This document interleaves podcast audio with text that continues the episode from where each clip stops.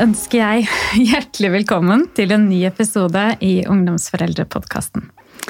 Gjest i denne episoden er Line Marie Warholm. I sommer så leste jeg eh, et lite innlegg i Aftenposten skrevet av Line Marie. Og syns det var veldig spennende. Eh, velkommen, Line Marie. Tusen takk.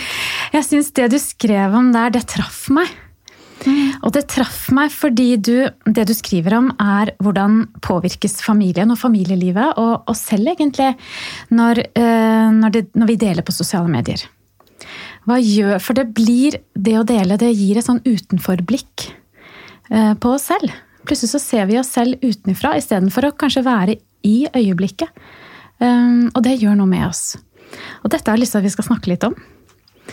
Og så har du også skrevet en bok en veldig interessant, spennende bok som heter Kule kids og foreldre som strever med å slippe taket.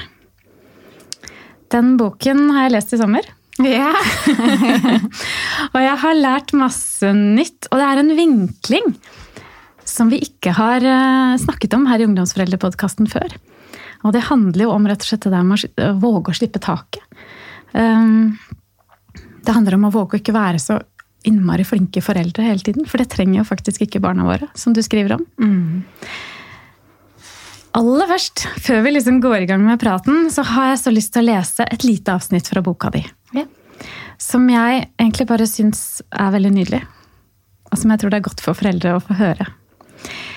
Våre velmente strategier virker ikke alltid slik vi ønsker at de skal. Vi får ikke sterke barn selv om vi alltid støtter dem. For barnas skyld så må vi tørre å være kjipe og strenge og tåle å bli avvist. Vi må holde ut med vår egen dårlige samvittighet og ubehaget som kommer når vi ser at barna strever. Vi må leve vårt eget liv, ta vare på oss selv og huske at vi er rollemodeller for barna våre. For de har godt av å være vanlige, middelmådige barn, og ikke bli behandlet som prins, prinser og prinsesser. Og de har godt av å ha middelmådige foreldre. Det betyr at du ikke trenger å streve så hardt i foreldrerollen. Slapp av, vær deg selv, len deg tilbake og nyt tiden med ungdommen din. Mm. Syns det var en sånn god start ja. Ja. på noe som jeg håper at denne episoden kan bidra til. Ja. Rett og slett at foreldre gjennom praten vår nå også kan, kan, kjenne på at eh, ok, kanskje det er godt nok. Kanskje det er bra nok, det vi gjør. Um, at det kanskje nettopp er veldig bra at vi ikke får til alt. At ikke vi mm. gjør alt riktig. Og at ikke vi hjelper barna våre altfor mye.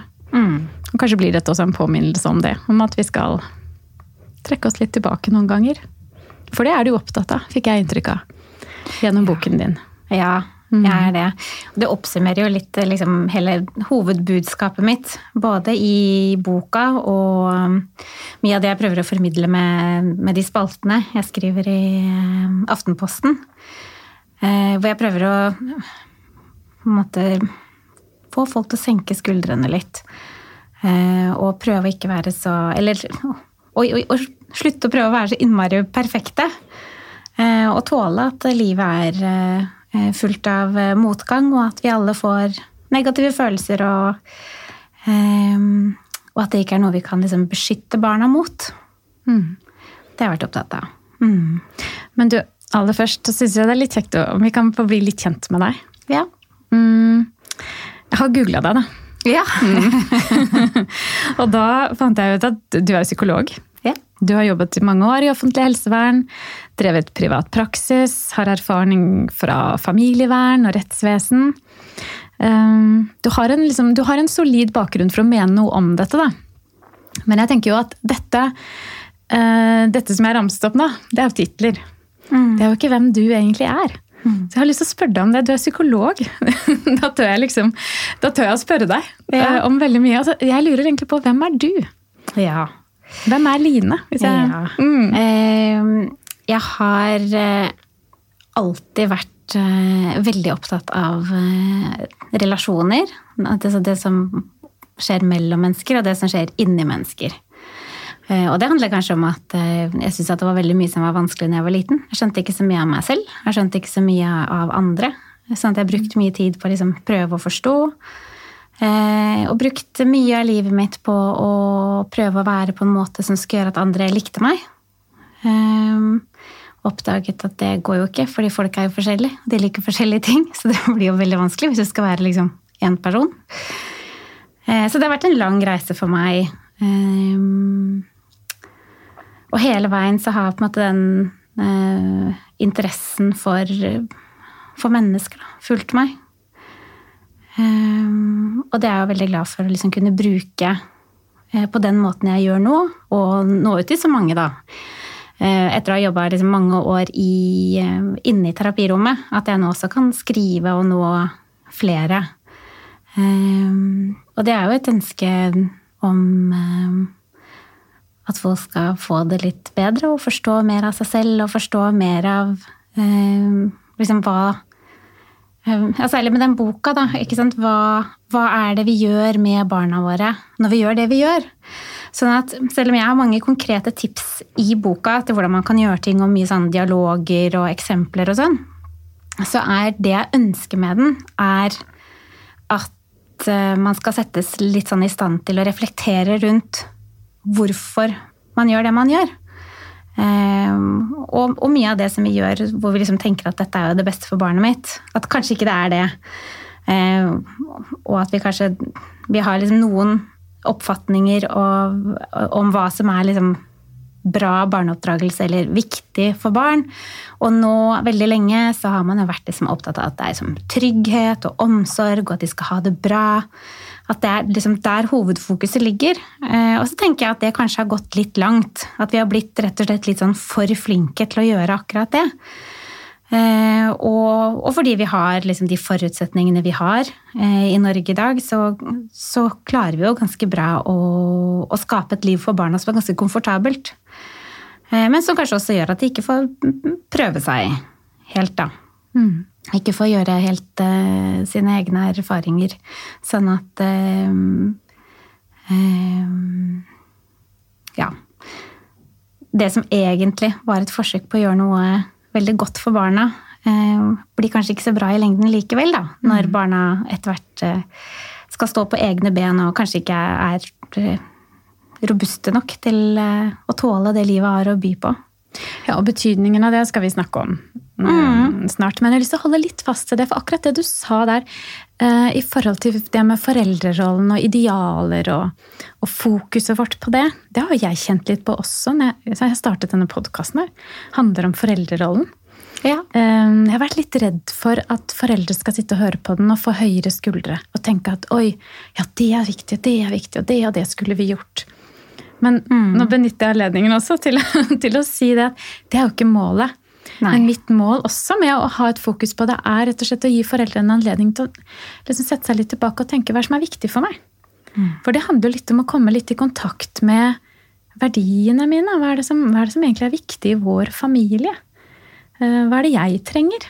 Mm. Hva er det barna mine trenger? Og jeg håper jo at det kan være en jeg håper jo at denne podkasten er en anledning for det. da. For det er jo ikke noe fasit. Det finnes ikke noen sånn oppskrift på hvordan man skal være gode foreldre. Nei, jeg tenker Det er så viktig det du sier der, med at man heller stiller seg de spørsmålene. Hvordan, hvordan skal vi som familie leve? Hvordan vil jeg leve? Hvordan skal jeg kunne fortsette å være meg i en familie med masse andre folk jeg må ta hensyn til og ta vare på?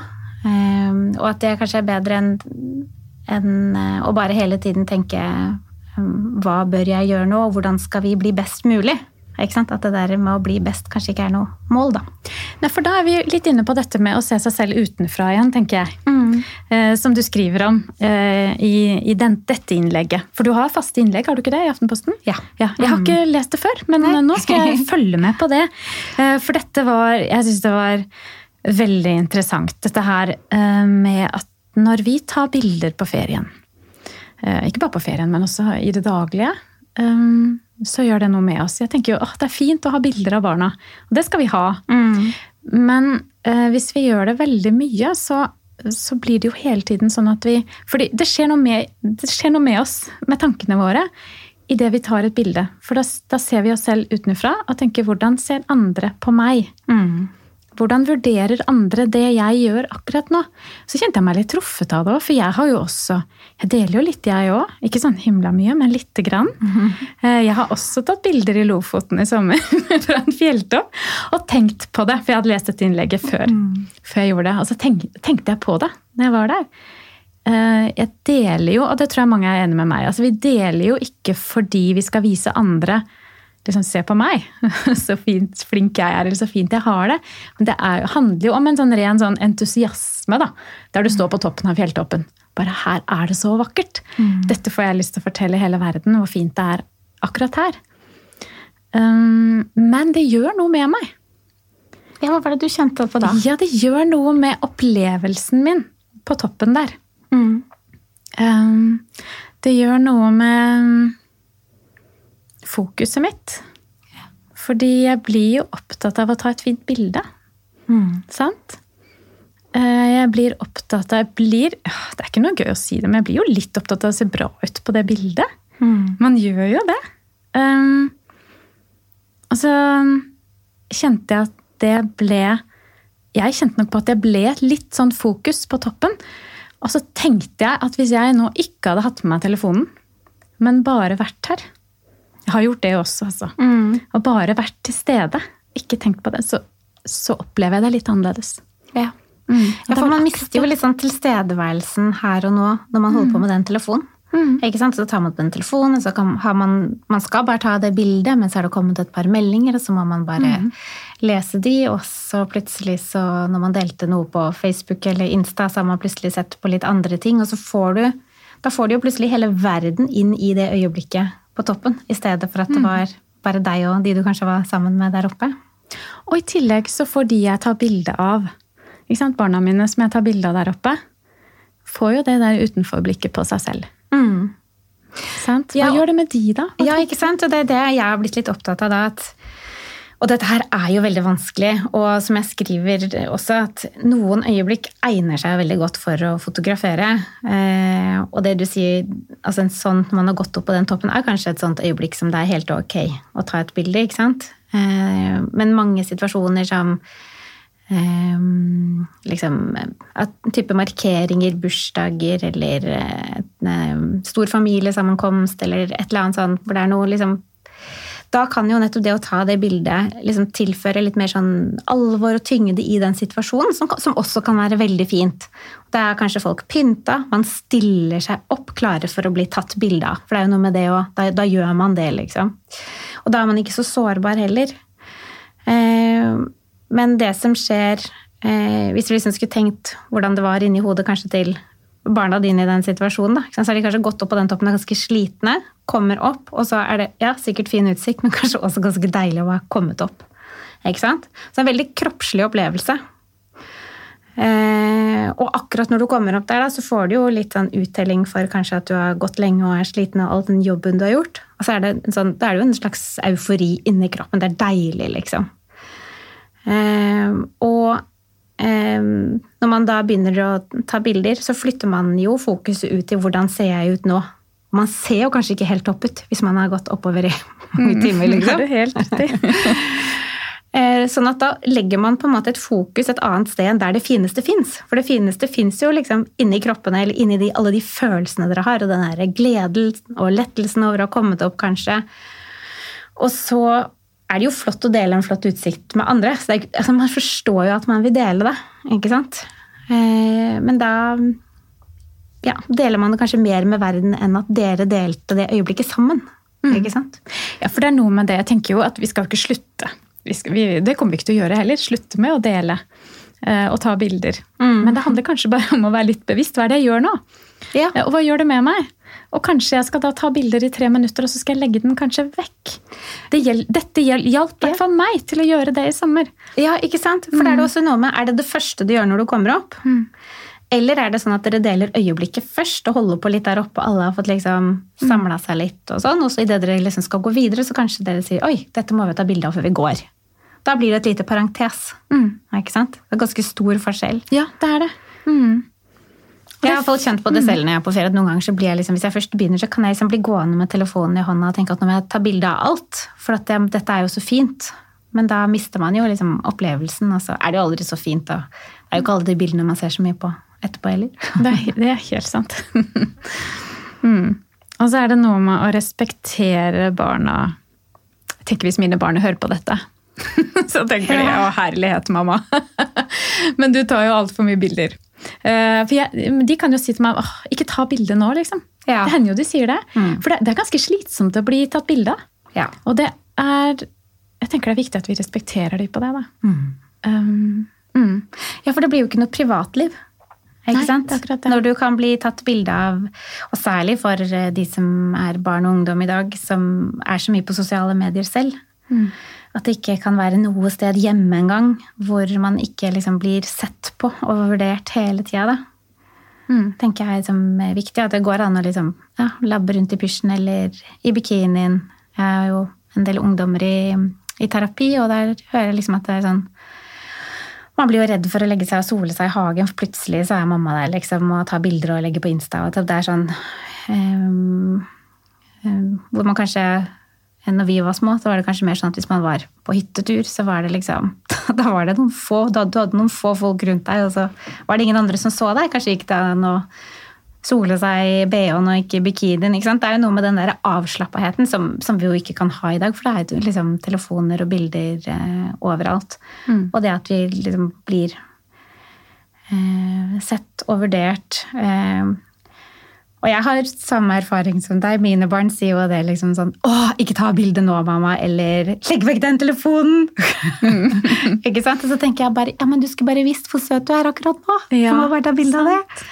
Ikke sant? Men det er jo litt forskjell på å ta et bilde da, og, og ha det eh, for fremtiden. Å kunne ta det fram til konfirmasjon, da, eller senere.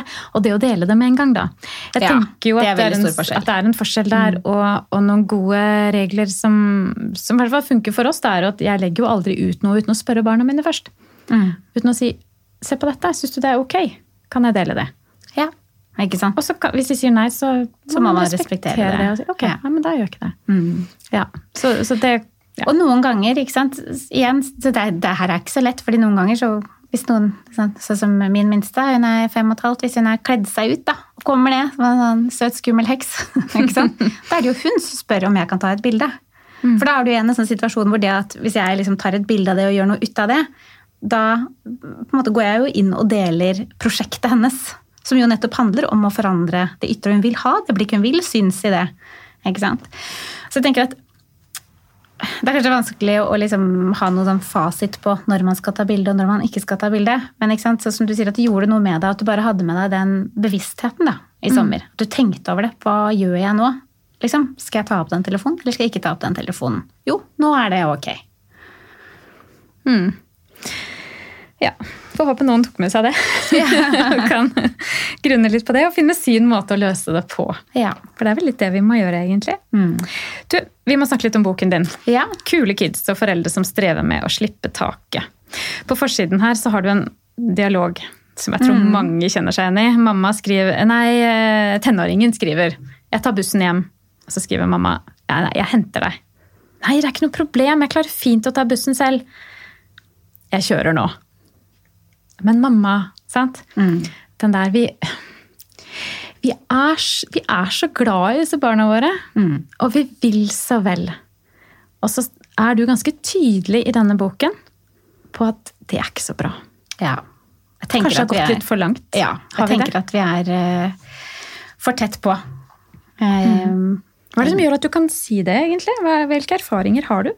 Det er både liksom eh, mye med utgangspunkt i mine egne erfaringer. At jeg har vært sånn Jeg, jeg var 24 år og psykologistudent når jeg fikk mitt første barn, og jeg skulle jo selvfølgelig gjøre alt perfekt. Eh, og det prosjektet holdt jeg jo på med en stund. Eh, Men det gjorde at jeg måtte liksom tenke litt rundt hva er, det jeg, hva er det jeg holder på med her, hva er det jeg driver med. Da. Eh, og jeg kjente at hvis jeg liksom blir for opptatt av å være en sånn perfekt mamma, så blir jo, da blir jo ikke sønnen min kjent med meg. Så det er noe med hva slags relasjon man tilbyr barna også.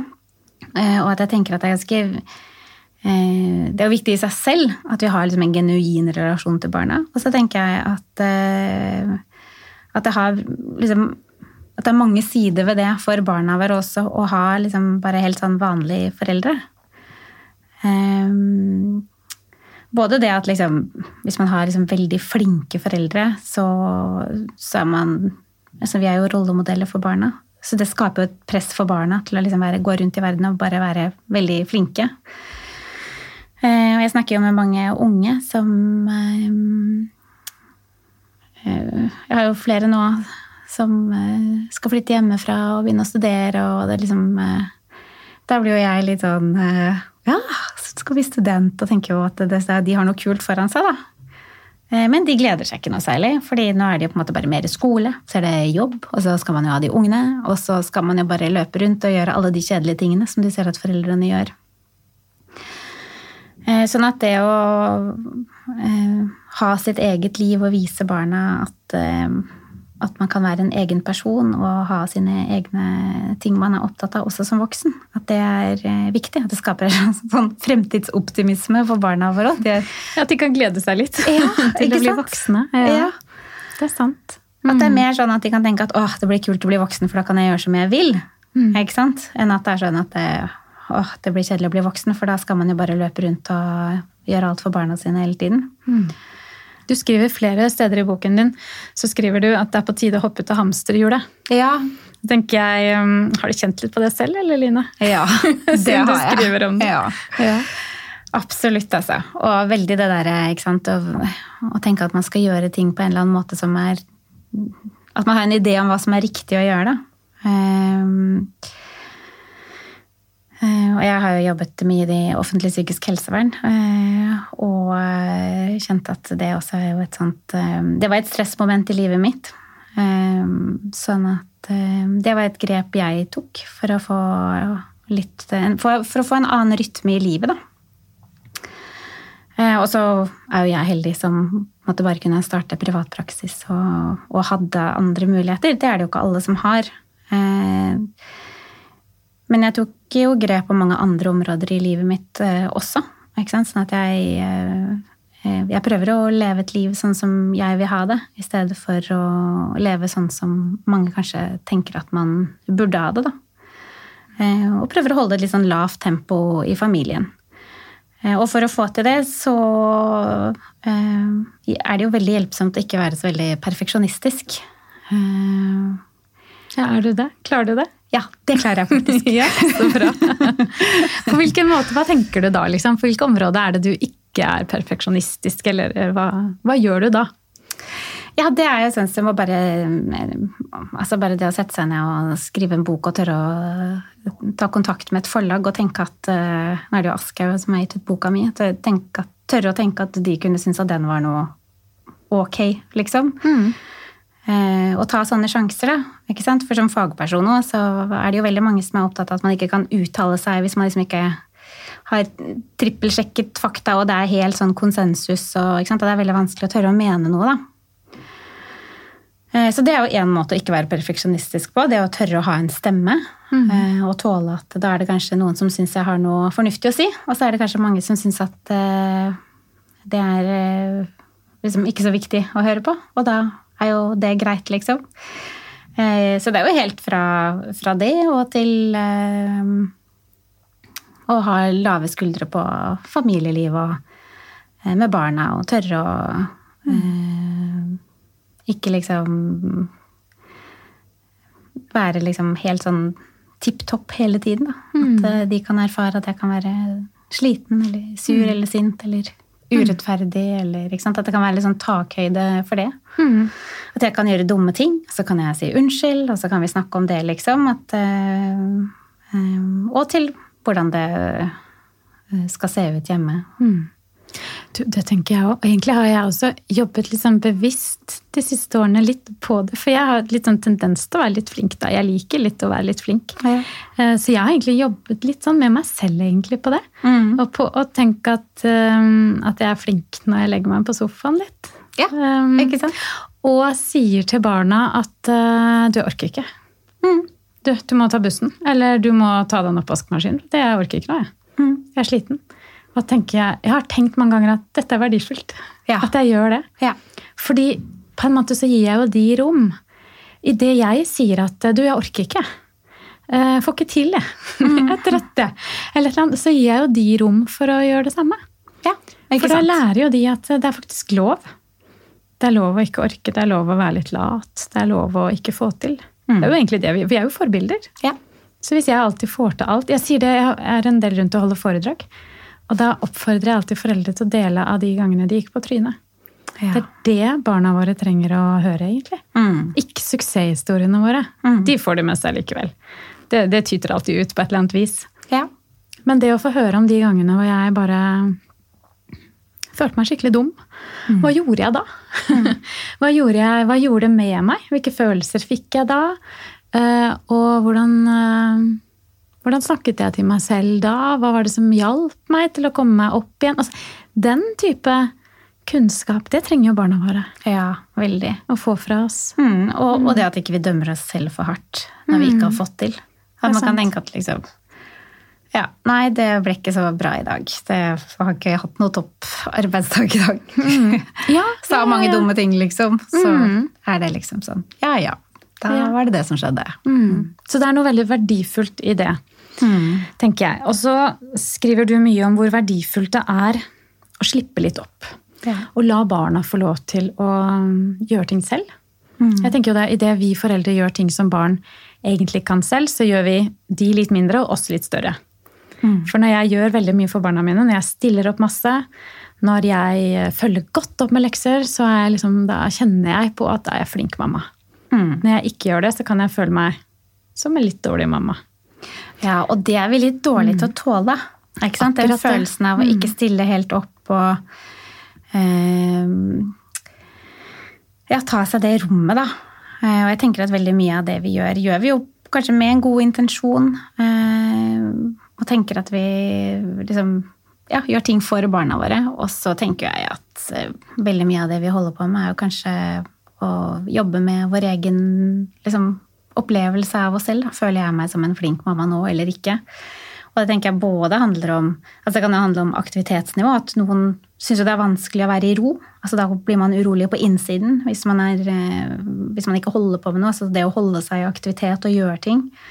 Eller at man trenger å gjøre ting for andre hele tiden for å føle seg som et liksom, anstendig menneske. Um, ja, for det gir meg jo bekreftelse. Ja. Det er jo nettopp det det gjør. Mm. Så det er litt krevende å ikke gjøre det. Ja. Fordi ikke føler jeg meg så bra selv, og ikke får jeg bekreftelsen. Nei. Men, skriver du, det er det barna dine trenger. Barna trenger jo det. Ja. Ikke sant? Hvorfor eh, det? Hvorfor trenger de det egentlig? Det rommet, ja. Det er jo på en måte mange lag i det, altså. Og det ene er jo nettopp det som vi har snakka litt om nå, om den perfeksjonismen. At ikke de skal se at vi holder på helt for dem hele tiden. Um, og så er det det med å sette grenser for andre, hvor vi også er en rollemodell. Uh, at hvis vi kan si 'nei, det orker jeg ikke', eller uh, 'nei, det vil jeg ikke gjøre i dag', uh, så viser jo vi at det går an å gjøre i en relasjon med noen du er glad i. Hvis vi alltid liksom strekker oss langt, eller kanskje sier ja, men lar de forstå at vi egentlig ikke orker, sånn at de finner en annen løsning fordi de får dårlig samvittighet, men at ikke vi ikke tør å si nei. Altså Hvis vi holder på med sånne ting, så eh, blir det jo vanskelig for barna våre når de i, i sine relasjoner ikke sant? Og litt sånn skrekkbilde på det er jo liksom hvis du har en eh, litt ung tenåringsdatter som får en litt eh, voksen eh, kjæreste. Altså Hvordan skal hun sette grenser for den kjæresten? Hvis hun er vant til at hvis man er glad i noen, så gjør man jo alt den andre vil. Ikke sant? Det går jo mm. ikke. Så det er ganske viktig. Um, og så er det jo altså det for barna å få lov å holde på med ting selv det å få mestringsopplevelser. Ehm, at hvis vi går inn og tar eierskap, så, så blir det jo ikke dems prosjekt. Ehm, og at vi liksom ja, hvis, hvis, vi gjør ting for de som de kan selv, så forteller vi det jo også at Så jeg tror ikke du får det til, på en måte. Men det, det gjør de jo. Så vi gjør det liksom mindre enn de er. Um, og mye sånn sant, indre driv og motivasjon og glede over å holde på med ting. Altså det å ha en, en, glede over å holde på med ting i seg selv, det er jeg ganske bekymra for hos eh, de som er barn og ungdom i dag. Eh, at de har det der veldig fokuset på, på å bli vurdert. Altså, jeg hadde en pasient som sa som på slutten av skoleåret at åh, nå er, så, nå er, det så, fint å være på skolen. For at, eh, Eh, nå er alle eksamen over, så nå er vi der bare for å lære stoffet. Og det er så deilig! Hun hadde sånn glede over det, da. Um, um, og det sier jo noe om liksom det, det, fokuset som de har da, på at det, liksom, de lærer for at de skal bli vurdert. Uh, og og sånn som har snakket om det med sosiale medier og, og det blikket utenfra som den generasjonen går ut og føler mye på, da. Uh, så blir det jo også viktig å få lov å holde på med aktiviteter bare fordi det er gøy. Ikke sant? Eh, og ha en glede i det selv. Og hvis vi liksom blir for tett på dem i det, enten med liksom å hjelpe dem, eller å bare stille opp, eller å være der, eh, så blir det også altså, det er, det, det er noe med det, liksom bare det å bli sett på. Hvis den voksne er til stede hele tiden. Hvis når vi blir sett på, så føler vi oss vurdert. Eh, og så er det det liksom at hvis vi får for mye hjelp, eller den voksne blander seg for mye inn, så, eh, så skaper det så et press på at man liksom skal Eh, du får masse hjelp, da må du liksom levere noe eller skape noe. Eller, ikke sant? Um, sånn at da forsvinner litt den gleden bare ved å gjøre. Bare ved å holde på med det og pusle med det. Mm. Uh, og hvis man får til noe flott, mm. og man har fått masse hjelp, så får man jo ikke den store mestringsfølelsen heller. Ikke sant? Sånn at mye av det vi holder på med da, når vi tenker at vi skal støtte og, være til stede og hjelpe, og sånn, er jo med på egentlig å kvele alt av liksom kreativitet og, og liksom indre motivasjon da, og glede Eh, over liksom, livet i seg selv eller aktiviteten i seg selv. Mm. Du har flere sånne gode eh, små historier i boken din eh, som jeg syns eh, var veldig illustrerende. Eh, og blant annet akkurat på dette. Og det fikk jeg litt lyst til å jeg fikk litt lyst til å lese den nå, faktisk. Mm. Um, og den handler om Elsa, som driver med friidrett.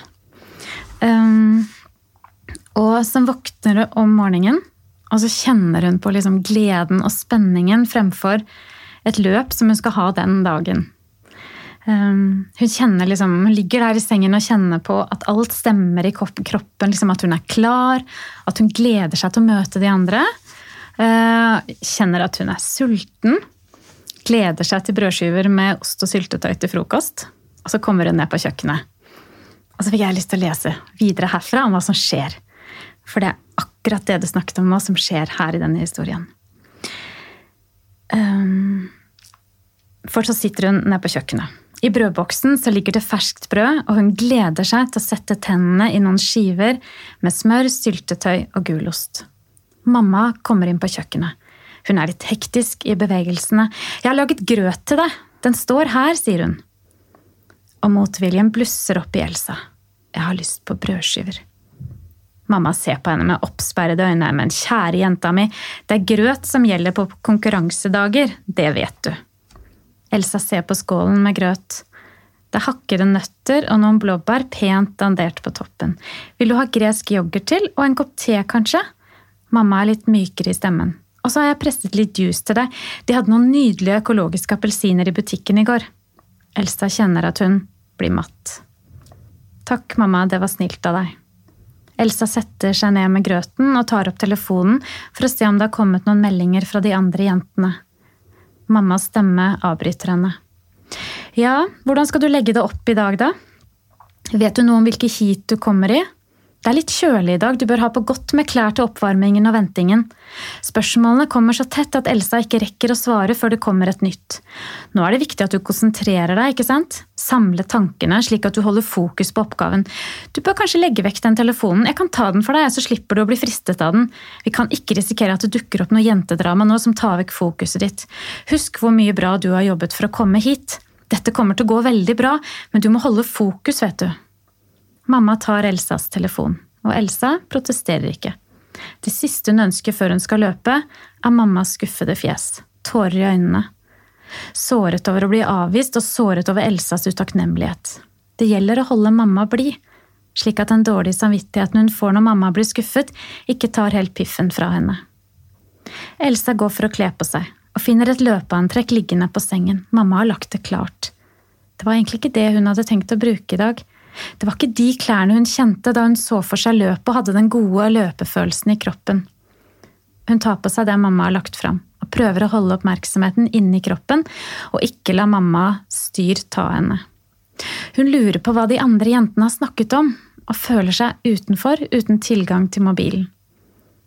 Hun håper at mamma vil vente ute sammen med de andre foreldrene når de kommer til stadion. Ofte så vil hun være med inn i garderoben. Og da snakker hun til henne hele tiden og holder de andre jentene egentlig litt unna henne. Hun forteller henne når hun skal drikke, og når hun skal spise. Når de andre jentene spiser vafler etter løpet, får Elsa en proteinbar og en shake av mamma. Mamma har bakvakt på sykehuset, og Else hadde håpet at de skulle trenge henne der, slik at hun ikke fikk vært med i dag. Men foreløpig har de ikke ringt. En venninne skal samle en del jenter i kveld, og Else har lyst til å være med. Hun skjønner allerede nå at det blir uaktuelt hvis mamma er hjemme. Mamma kommer til å lage en sunn middag, passe på at hun spiser kveldsmat, og sørge for at hun er i seng før klokka er ti. Å se venner i kveld kan hun bare glemme. Hun kjenner hvordan likegyldigheten siger innover henne og kler på seg med trette bevegelser. Jeg kjenner at den historien liksom treffer litt. Jeg. Ja. jeg kan jo kjenne meg litt igjen. Mm. Men egentlig bare litt, for jeg er ikke så, er ikke så flink. Men jeg kan, jeg kan, liksom Ja, man kjenner på den derre mammaens følelse at hun vil så vel. Hun ja. vil jo bare hjelpe henne. Mm. Um, og så skjønner jeg Elsa så inderlig godt. Så er det så vondt å, å, se hvordan den motivasjonen hennes, gleden hennes, egentlig bare dabber av. Ja, for mammaen tar over hele prosjektet. Det blir jo mm. ikke Elsas prosjekt å løpe. Nei. Og da blir det bare ja, mm. Eh, den, den, mattheten og likegyldigheten og mm. um, Som kanskje skjer da, når man ikke får liksom holde på med ting selv. At det blir drept. Mm. Det gjør nesten litt vondt ja. å høre på den. ja. Og jeg tror at mange av dere lytter også. Kjenner dere litt igjen i den? Kanskje ikke i den grad, men at man liksom mm. kjenner seg litt igjen i det. Ja. Så, og så ser jeg jo med sant, hos, eh, hos, ungdom i dag at det er mye sånn De er mye slitne. Det er jo ikke en generasjon som går rundt og er i opprør og er sinte. De er jo slitne. Og så er de litt engstelige og bekymra og sånn. Eh, men det er veldig mye av den mattheten og resignasjonen, og at alt er så tungt, det er så vanskelig, det er så mye som skal gjøres, og at det der egne drivet, da, eh, ikke er der. Og eh, det var kanskje ikke alle av oss heller som visste hva man skulle liksom studere, eller hva man skulle bli når man gikk på videregående, men jeg ser jo at mange i dag Altså Det er som om det også er en oppgave de burde løst hva de skal studere.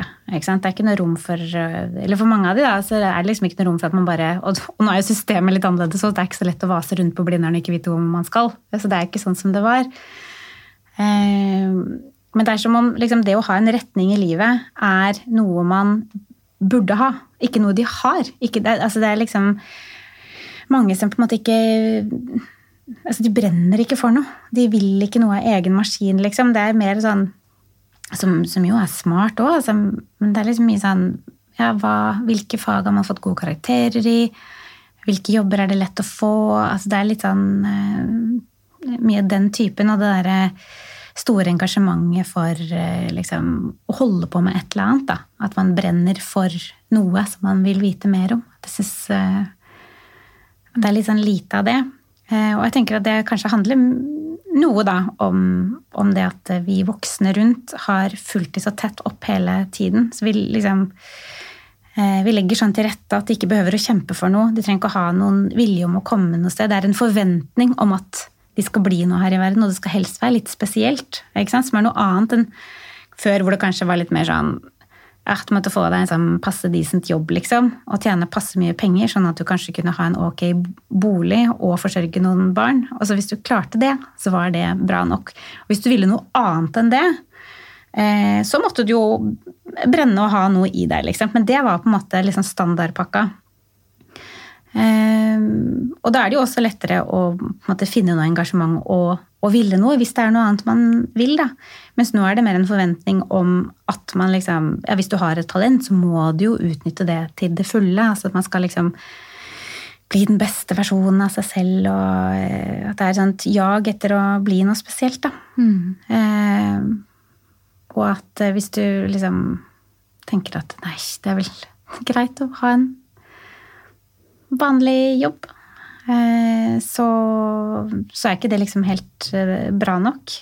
Mm, det er helt sant, og jeg tror ikke vi som er foreldre nå egentlig skjønner helt rekkevidden av det, for vi er ikke vokst opp i det der. Nei, vi skjønner ikke. Vi tenker Nei. jo herregud, skulle ønske at foreldrene mine liksom hadde sånn tro på meg, eller eh, backa meg sånn opp, eller sa at jeg kunne bli hva jeg ville, eller Det er sant? derfor vi gjør det. Det er derfor vi gjør det. For vi har, Fordi vi vi har ønsket det. oss det. Mm, helt sant. Men for dem så er det jo helt annerledes. Mm. Uh, Og det er jo det som er så vanskelig også. At uh, vi gir jo barna våre det alt det beste vi, kan, vi syns vi kan gi dem, og vi gir dem jo stort sett det vi vil ha selv. Men så vokser de opp i en helt annen tid. Sånn at når vi gir det som vi ønsker oss, så treffer det helt annerledes og får helt andre konsekvenser. Mm. Ja, og så er det litt sånn at ja, ja, kanskje ikke det er så farlig det heller, da. vi må jo bare det, handler, det er jo litt det vi også prøver å si. At vi må jo faktisk bare også gjøre så godt vi kan ut fra der hvor vi er. Ja. Det er jo det foreldre gjør til enhver tid, tenker jeg. Vi, vokser, vi vokser opp i noe, og så tenker vi at det var ikke bra, eller det var kjempebra. Og så gjør vi det på vår måte. Og så kommer neste generasjon til å si det der var ikke så lurt. Og så gjør de det på sin måte. Ja. Og så tenker jeg det er så viktig at vi også at vi på en måte tåler det. Ja. Og ikke, jeg har i en tidligere podkast intervjuet Herdis Palsdottir, som startet EQ-institutt. Ja. Hun er mammaen til Dora Thoralsdottir, som mange kjenner til. Som standup-komiker og EQ-terapeut. Eh, Og hun gikk en, eh, ut i media eh, og, snakket om sin prosess med sine døtre. Hvor hun rett og slett hadde sagt unnskyld til døtrene sine. Liksom, det var ikke en så god mamma som jeg skulle ønske jeg hadde vært. Og, og på en måte jobbet med å akseptere det. Og det tenker jeg det er viktig at vi foreldre også gjør. Mm. At vi kan innse at ja, vi er er kanskje ikke verdens beste foreldre. Og vi, har gjort, vi gjør mye dumt, men at det også er ok. Og at vi kan si det til barna våre òg. Ja, og at det faktisk mm. kan skape veldig stor og fin nærhet. Akkurat det. Um, Altså når barna blir voksne. Hvis man er en liksom voksen forelder med litt voksne barn og tenker at nå er det vel for sent, så vil jeg si at det er det ikke.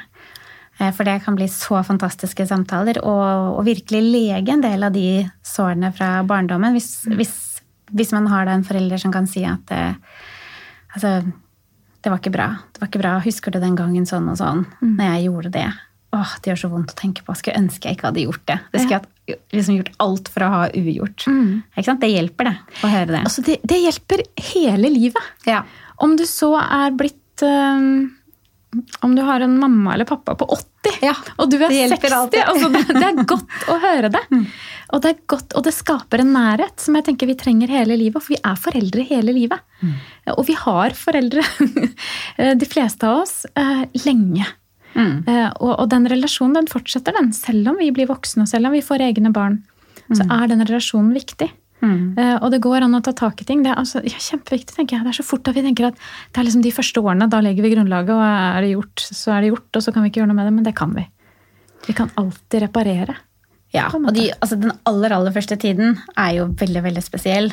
ikke sant? Eh, og de som får ordentlige skader da, det får jo veldig alvorlige konsekvenser. Eh, men de fleste liksom har sånn type barndomstraumer som man Eller Ja. altså, traumer litt sånn i gåsetegn, liksom. Ja, normaliteten og det som skjer i eh, liksom fra man er Ja, fra man kan huske, da. Fra man kanskje er en fire år og oppover. Altså litt sånn teite ting.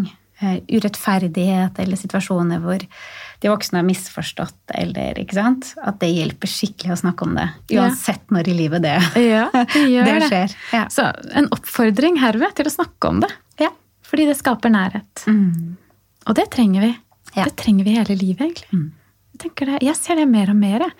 At selv om jeg nå er, jeg er 45, og foreldrene mine er kjempeviktige for meg fortsatt. Ja. Det er det. Mm, og det tror jeg mange opplever. Og så blir de kanskje, kanskje også blir de enda viktigere med årene. Eh, Jeg setter enda større pris på foreldrene mine nå enn jeg gjorde for 20 år siden. Ja, og det er jo noe med Ja. den prosessen man har med egne barn også. Ikke sant? eh, Det, det er jo Eller jeg tenker i hvert fall det. det. Jeg har blitt mildere mot mine foreldre. Ja, fordi sant. at jeg ser jo at det er ikke lett å være forelder.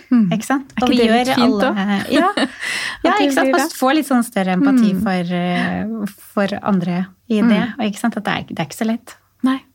Og vi gjør alle så godt vi kan. Og kanskje det er bra at det ikke er så lett, og det er bra at ikke vi alltid gjør alt riktig. Men du, Mm. eh, før vi avslutter, vi må snakke litt om dette med ros også.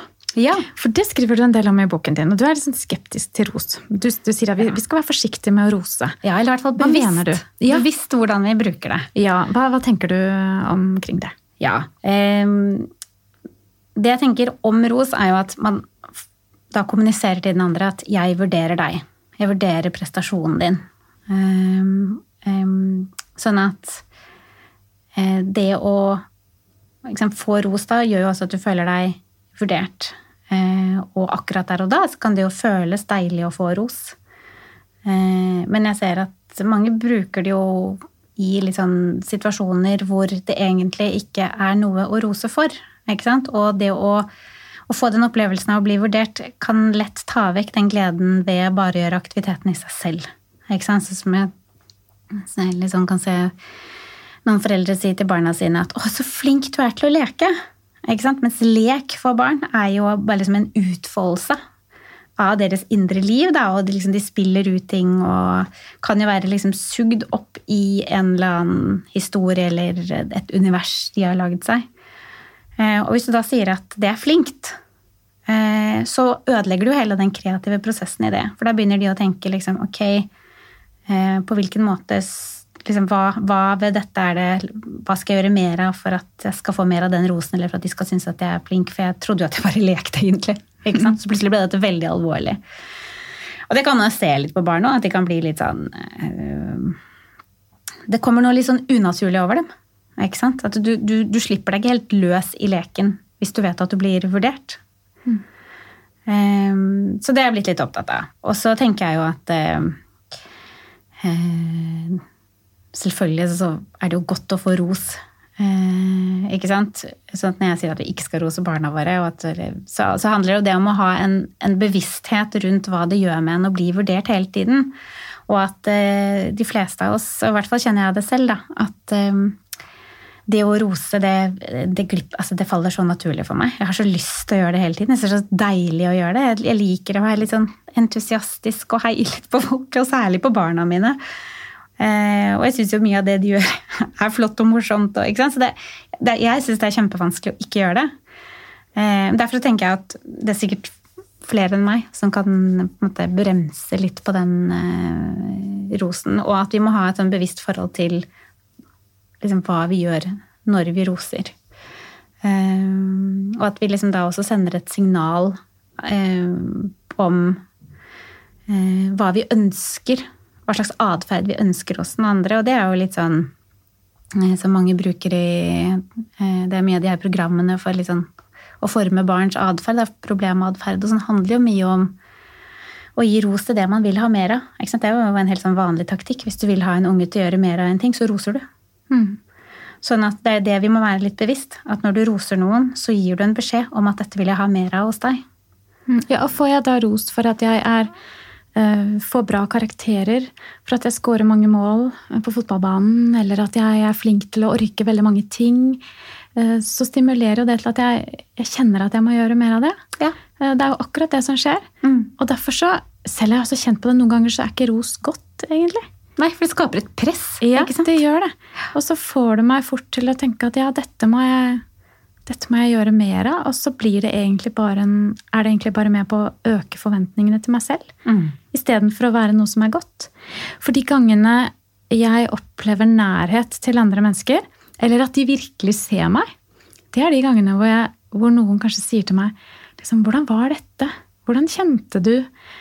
Eh, hva kjente du når det skjedde? Eller liksom når, noen, når noen går inn i opplevelsen min av Ja. noe og viser interesse, Mm. så føler jeg meg sett. Ja. Og da, det er egentlig veldig mye bedre enn å få en kommentar på at jeg er flink for noe. Ja, det der at noen deler opplevelsen med meg, og kanskje det er egentlig det vi jeg kjenner liksom at Det er egentlig det jeg vil oppfordre foreldre til å gjøre i større grad. da. Ja. Være i opplevelsen med barna. Mm. Istedenfor å se den utenfra. Nå er vi liksom tilbake til det utenforblikket som vi da får på det. Og så er det et ovenfra og ned. Ja, det er sant. Ikke sant? Jeg kan jo i hvert fall føle det som voksen person, at hvis noen liksom sier til meg at jeg er flink til et eller annet, så tenker jeg jo at de da, da tenker jeg sånn, ja, du tenker at du er i posisjon til å rose meg. Ja, For det, de For det er som om den andre, ja, jeg tenker Ja. at liksom, Da vet du litt bedre enn meg, på en måte. Ja. Ikke sant? Sant. Eh, så kommer det an på hvordan man gir den rosen, men, men eh, jeg kan i hvert fall kjenne det at eh, at hvis noen liksom sier til meg sånn Oi, så flink du var! Så kan jeg bli litt sånn Ja, det var vel ikke så flinkt, det, kanskje. Altså, det var ikke noe ekstraordinært. Men det er kanskje nettopp derfor vi noen ganger kjenner at rosen ikke er god. Fordi vi føler oss vurdert, egentlig. Ja, og hvis du får ros for noe som er langt innafor det du får ja. til, Mm. Eh, så det blir litt som liksom, å si til en 14-åring at 'oi, klarer du å knytte skolissene dine? Så flott!' Mm. Ikke sant? Nå setter jeg det veldig på spissen, da. Mm. Um, ikke sant? Men så kanskje vi har gjort noe som er eh, skikkelig bra. Uh, og da er det jo deilig å få ros. Men da mm. skal du jo helst ha det fra noen Eller jeg syns i hvert fall at Eh, det er, mye, det er helt annerledes å få fra noen som står nær meg, enn mm. noen som står eh, mer langt unna, da. Mm. Eh, man signaliserer så mye i det. Ja, sant. Men du Line, eh, nå helt på tampen så kjenner jeg at jeg lurer veldig på de som har hørt på dette her. Mm. Eh, hva de sitter igjen med nå sitter de igjen med en følelse av Og jeg håper jo ikke at de sitter igjen med 'Å, det har jeg gjort, og det var ikke lurt', og sånn. Um, sant? Jeg, jeg mm. håpet jo, det sa jeg innledningsvis òg, at foreldre skulle liksom senke skuldrene litt. Uh, og det handler jo litt om å akseptere seg selv. Uh, sine feil, mm. og ikke minst også ta vare på seg selv. Kan vi si noen ord om det til slutt? Liksom, betydningen av det å, å ivareta seg selv. Um, mm. Hva tenker du om det? Hvordan tar du vare på deg selv? Uh, ja, hvordan er det? Et, mye med liksom tid, altså. Uh, og ikke leve opp til andres forventninger. Uh, og gjøre de tingene jeg liker å gjøre. Ehm, og ja, kanskje særlig liksom overfor barna å tørre å eh, vise at jeg holder på med mitt. og nå har jo jeg barn som bor sånn annenhver uke. Eh, og da er det jo Ser jeg mye i terapirommet at det er mange som, som har den type ordninger som mange foreldre som beskytter barna mot, eh, mot at, at, barna skal vite at de gjør morsomme ting når ikke de er der. Så har jeg jo mange ungdommer i terapi som er bekymret for hva mamma og pappa driver med når ikke de er der. For de tror jo at de er liksom det eneste som er betydningsfullt i livet deres. Ja. Fordi foreldrene har jo ikke fortalt om alt det morsomme de er ute og gjør når barna er borte. ikke sant? Mm, mm. Um, Sånn at eh, Ja, det å, å tørre å vise frem det. Mm. At man har andre interesser, gjør andre ting og mm. eh, Ja, si nei, det skal, jeg skal ikke være med å bygge Lego nå. Eh, for nå skal jeg drikke kaffe og lese avisen. Mm. Altså bare, det er sånne små ting at man ikke trenger å hoppe opp. Det er sant. Hele tiden. Ja. For da blir det også mer attraktivt å, å se frem mot voksenlivet. Ja. Og så tenker jeg også, ikke sant, det å eh, Som er viktig for meg, og der er jo folk forskjellige, men sant, at man har et hjem hvor man ikke binder hverandre fast, men at man kan få lov å gå ut og gjøre ting man syns er morsomt. Mm. Mm. At ikke liksom, hjemmet blir et fengsel. Det er sant. Det skal være et fristed, sted der vi kan slappe av. Ja. Først og fremst. For det trenger, det trenger, vi, og det trenger ungdommene våre. Du vet hva, Det har vært så interessant å snakke med deg. Jeg tenker at um, jeg kommer til å invitere deg en gang til. Uh, jeg kommer gjerne. For vi har så mange temaer. Vi, ikke, vi er ikke i nærheten av å komme til noe. Alle de temaene jeg hadde tenkt. Men jeg håper jo at dere som lyttere sitter igjen med litt senkede skuldre. At dere puster litt lettere. Mm. Og um, forhåpentligvis også har litt bedre samvittighet. Um, og så uh, er jeg veldig glad for ris og ros uh, og kommentarer. Og også veldig gjerne uh, innspill til tema.